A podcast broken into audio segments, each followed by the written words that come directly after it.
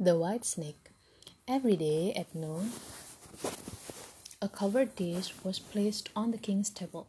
Then, after everyone left, the king would eat alone from this dish, and nobody in the entire realm knew what kind of food was in it. One of the servants became curious and wanted to know what the dish contained. On one occasion, after the king had ordered him to take the dish away, he could no longer restrain himself. So he took the dish to his room and, unco- and uncovered it. As he lifted the cover, he found a white snake lying inside, and once he laid his eyes on it, he felt a great desire to taste some of it. So he cut off a piece and began eating it. No sooner did his tongue touch the flesh of the snake than he understood the language of animals and heard what the birds on the windows sill were saying to each other. On this very same day, the queen lost one of her most beautiful rings, and the susp- suspicion fell on him. The king also said that if he was not able to find the thief of, by morning, he himself would be punished as if he had been the guilty person. The servant became sad and went down into the courtyard where some ducks were resting in the water. As he was watching them, he heard one of them say, There's something heavy in my stomach. I ate a ring that the queen has lost. The servant took the duck and carried it to the cook. Kill this one. It's fat enough. So the cook cut off the duck's neck, and when he began cleaning it, the queen's ring was lying in its stomach.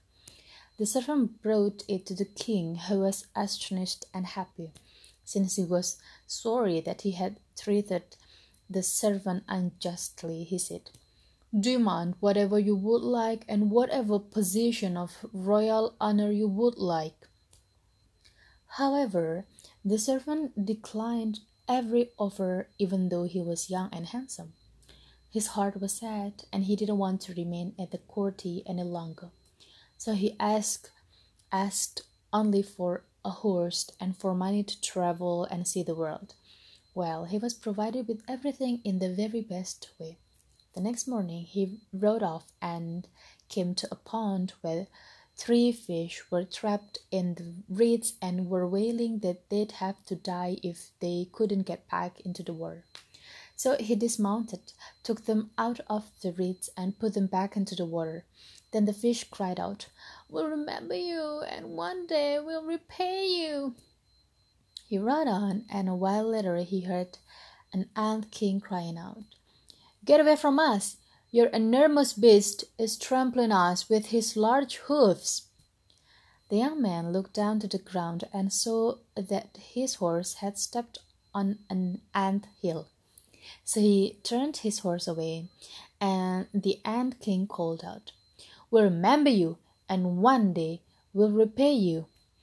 Soon the servant entered the forest where two ravens were throwing their young ones out of their nest.